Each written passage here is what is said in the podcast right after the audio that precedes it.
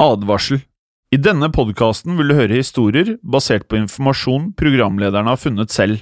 Programlederne står ikke nødvendigvis inne for meninger og syn som fremstilles. Noen påstander kan avvike fra virkeligheten.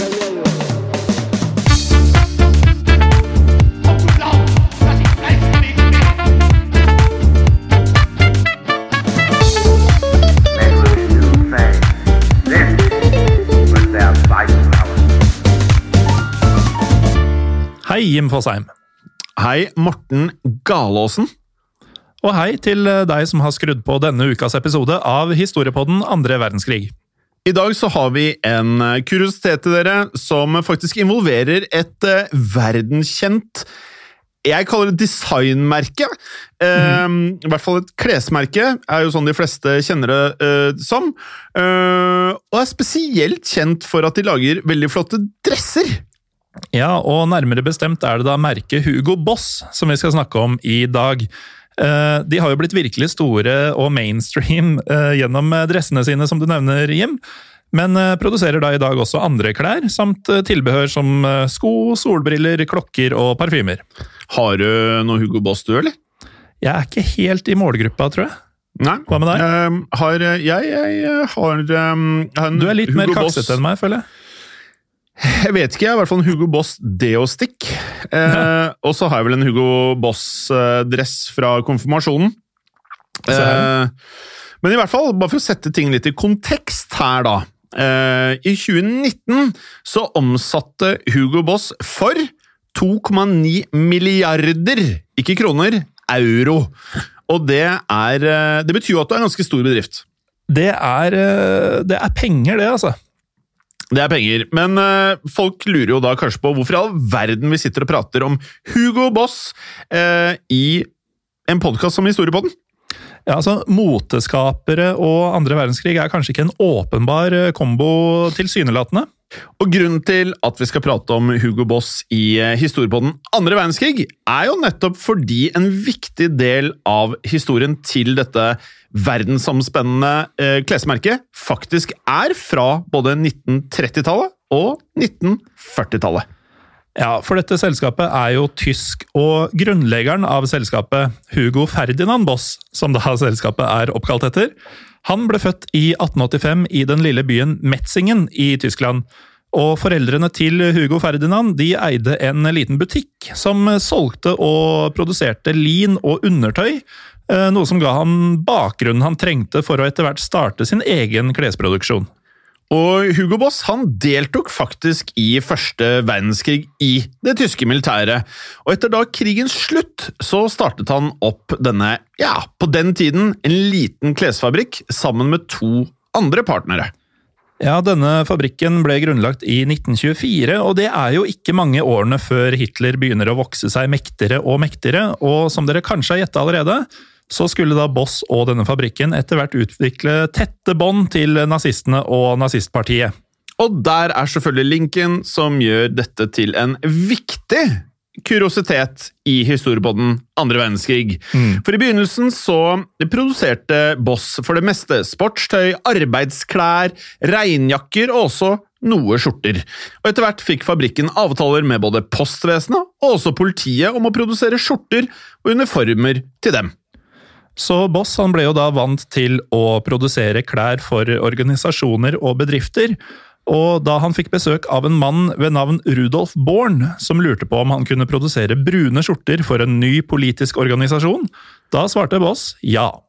Og denne nye politiske organisasjonen, for de som ikke har gjettet allerede, var Det var Nationalsosialistische Deutsche Arbeiderpartei. Og der må jeg bare innrømme at eh, vi prøvde nå å spille inn dette her 15 eller 20 ganger med at jeg sa det, så nå måtte Morten ta til slutt. Altså det nasjonalsosialistiske tyske arbeiderparti, kjent som NSDAP. Ja, Så det var altså nazistene som trengte Hugo Boss sine tjenester, og dette var hans fot innafor døra i nazipartiet. Ja, og Enhver forretningsavtale var jo da selvfølgelig verdifull for eh, Boss, ettersom økonomien i Tyskland på dette tidspunktet gikk kraftig nedover, og da var vi jo selvfølgelig sent 20-tallet og tidlig 30-tallet, hvor det var krise i store deler av verden. Ja, så Hugos eh, opprinnelige fabrikk den hadde med to partnere eh, gått under i denne krisen. Men han starta opp eh, på nytt for seg selv, med de eh, samme seks symaskinene som han hadde igjen fra den gamle fabrikken. Ja, og det er her vi finner da starten på merket som vi kjenner i dag, Hugo Boss. For Hugo han skjønte jo at pengene de kom fra produksjonsavtaler med myndighetene og store organisasjoner. Og de som vokste aller raskest, det var jo på dette tidspunktet Nazipartiet. Og i 1931 så landet da Boss avtaler med selveste Schutzstaffel, altså SS. Ja, og SS de har vi hørt om eh, mange ganger. Eh, Egentlig så var jo de en slags eh, livvaktorganisasjon for nazipartiet, og ble da senere en del av Nazi-Tysklands militær- og ordensvesen. Hugo Boss ble da altså en av produsentene av uniformene til SS, og det var flere produsenter rundt om i landet som også leverte til SS, ikke bare Hugo. For eh, Hugos fabrikk klarte ikke å dekke hele etterspørselen, men han hadde jo definitivt fått en ordentlig gullkanta avtale på plass med nazistene. Ja, men ikke nok med det, for i april 1931 meldte Hugo seg selv inn i nazipartiet. Han var skråsikker på at Hitler var eh, den som da kunne hjelpe Tyskland ut av nedgangstidene og inn i en ny økonomisk oppgangstid. Ja, og økonomisk oppgangstid det skulle det jo bli for Hugo, for det å bli medlem av nazistpartiet det var jo veldig gunstig for forretningene. Fordi eh, naziorganisasjonene de så jo med blide øyne på en forretningspartner som var eh, en av dem. Og Boss fikk dermed også oppdraget med å lage skjorter til Hitlerjugend, eller da Hitlerungdommen, altså ungdomsorganisasjonen til nazipartiet. Ja, og det betød jo at alle disse avtalene mellom eh, nazipartiet og Hugo Boss de fortsatte å komme. Men når vi sier at Boss selv meldte seg inn i nazipartiet, så dukker det nok noen spørsmål opp her. Eh, Var Boss selv nazist, eller var det en ren forretningsmessig eh, tanke bak dette her? Uansett eh, så ble Boss etter krigens slutt eh, sendt til retten for samarbeid med nazistene, og der uttalte han at han kun inngikk avtaler med nazistene for å redde selskapet sitt fra økonomisk ruin, men at han slett ikke var nazist selv. Det var altså kun pengene som telte, ifølge Boss. Men dette var nok også et forsøk på å unngå noe særlig straff. For bildet blir nok litt annerledes når vi nå skal gå til en rapport publisert i 2011 og skrevet av Roman Køster. Ja, eh, denne rapporten ble kalt eh, Hugo Boss eh, 1924 to 1945 The History of a Clothing Factory During the Weimar Republic and Third Reich.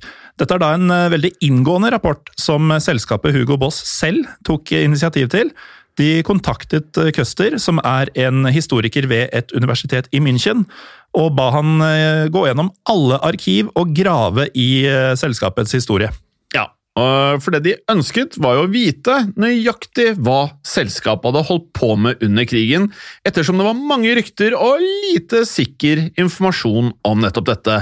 De gjorde det så klart for Køster at de ville finansiere arbeidet, men selskapet skulle ikke redigere en eneste bokstav av verket hans på noen som helst måte.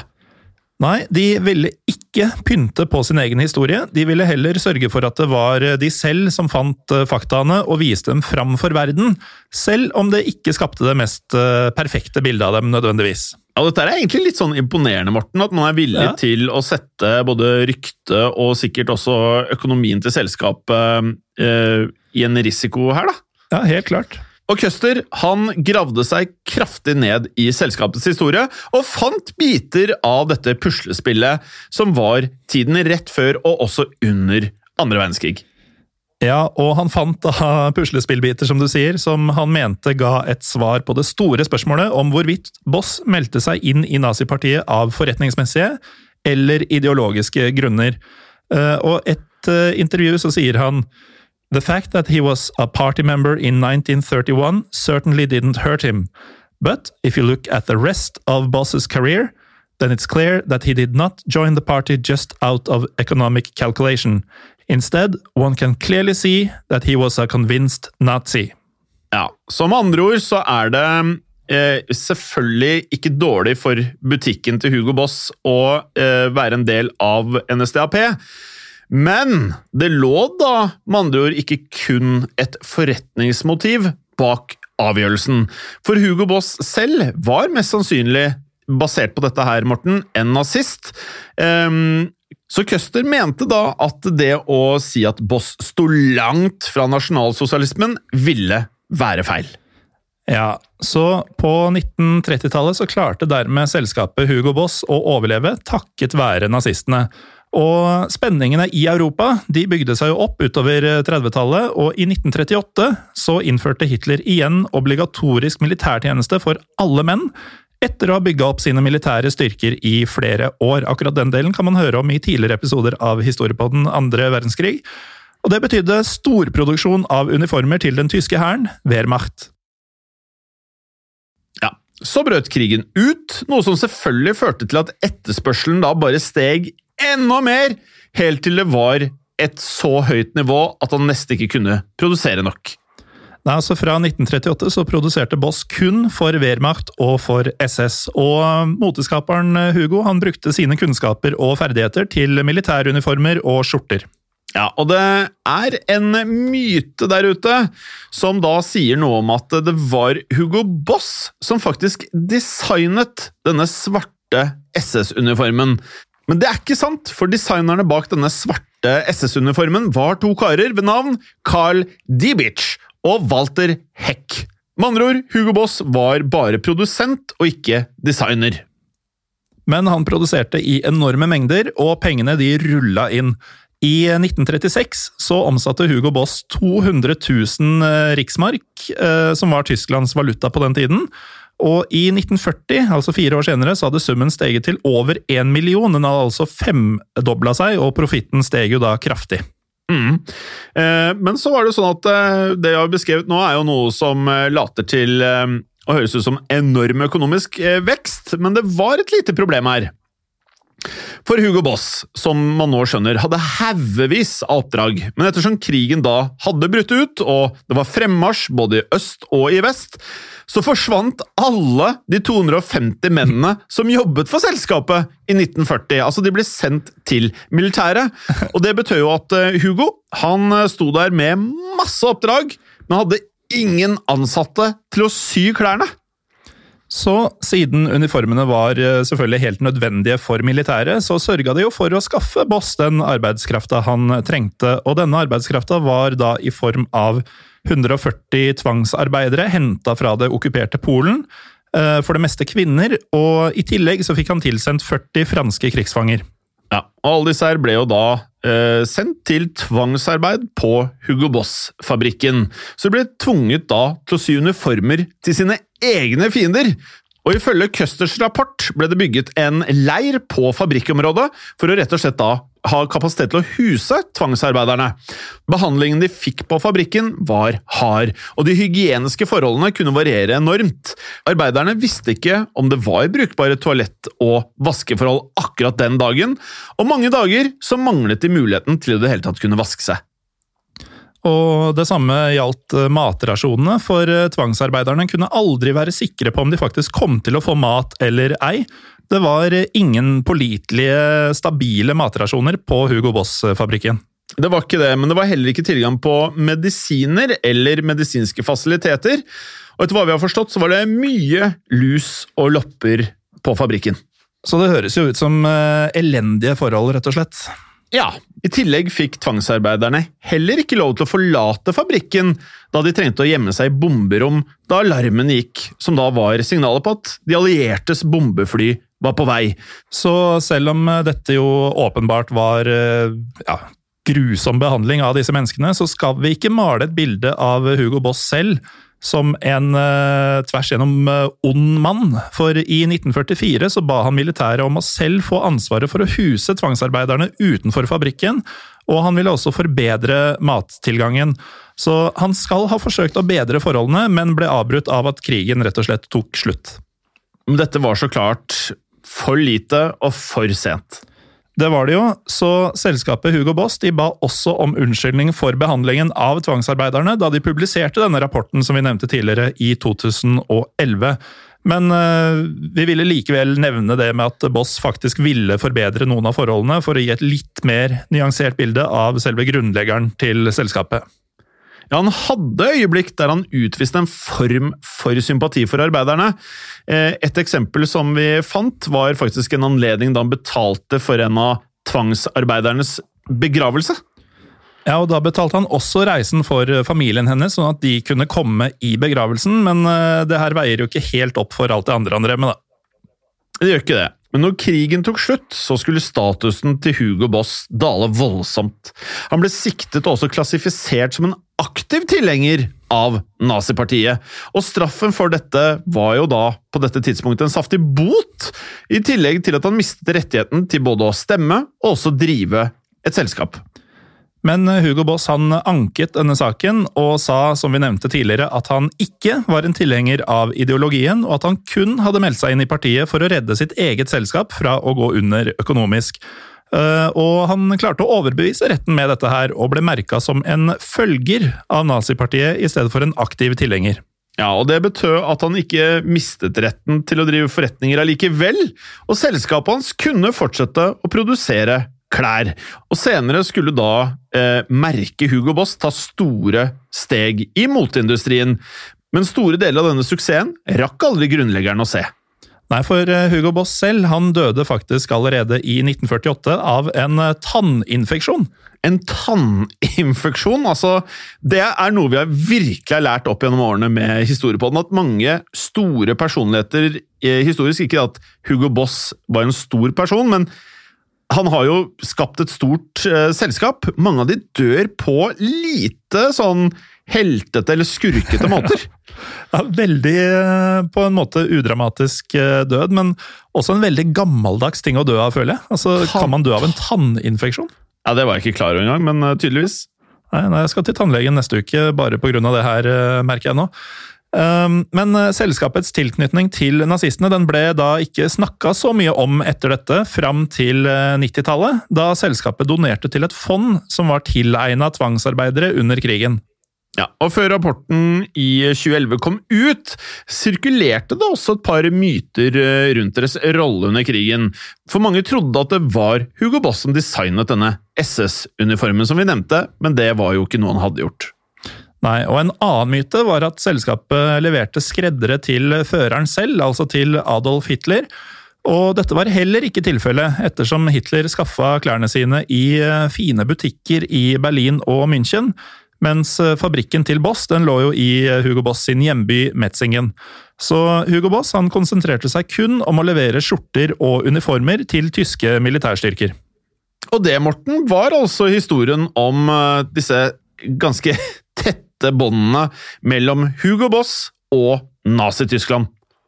Ja, og det er jo sprøtt å tenke på, for i dag så mm, Altså, Hugo Boss for meg er jo Jeg nevnte tidligere at jeg har jo ikke noe særlig Hugo Boss-greier selv.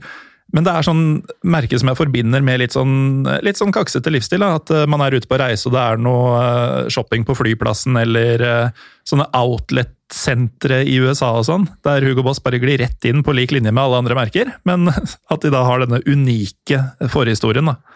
Men før vi researcha til episoden, så var jeg faktisk ikke klar over at Hugo Boss selv initierte researchen av historien under Nazi-Tyskland. Nei, og det er jo utrolig kult gjort uh, av selskapet, at de velger da å legge korta på bordet selv. At uh, tross alt så er det jo ingen i, som jobber i Hugo Boss i 2011 eller i dag, for den saks skyld, som kan klandres for hva som skjedde på 30- og 40-tallet. Nei. Uh, uansett, i mellomtiden så kan dere i påvente av ny episode eh, bli med oss i eh, Historie for alle, som er vår Facebook-gruppe. Og Historiepodden Norge er vi på Instagram, hvor vi veldig gjerne vil at eh, dere skal følge oss, og gjerne DM oss forslag til Historiepodden-episoder. Ja, og det går også an på Facebook-siden vår, som også er Historiepodden Norge. Ja, og så eh, har det vært supert. Eh, Vi er allerede på 100 ratinger på iTunes. Fortsatt gjerne å gi oss noen stjerner der, sånn at vi kommer opp på samme nivå som vanlig historiepodden, som nå runda 2000 ratinger! Ja, ja, for vi liker å konkurrere mot oss sjøl, så nå er det liksom sånn kamp for å ta igjen den vanlige historiepodden. Samtidig som eh, når vi har vanlige historiepodden-innspillinger, så skal vi få den til å dra fra. Så Jeg liker det. Ja. Men Morten, Mhm. Det her har skjedd! Og det kan skje igjen. Ha det bra. Ha det I produksjonen av Historiepodden så ønsker vi å takke Håkon Bråten for lyd og musikk. Takk til Felix Hernes for produksjon. Takk til Ellen Froktenestad for tekst og manus. Og takk til deg, Morten Galesen, for programlederrolle. Og takk til deg, Jim Fosheim, for programlederrolle.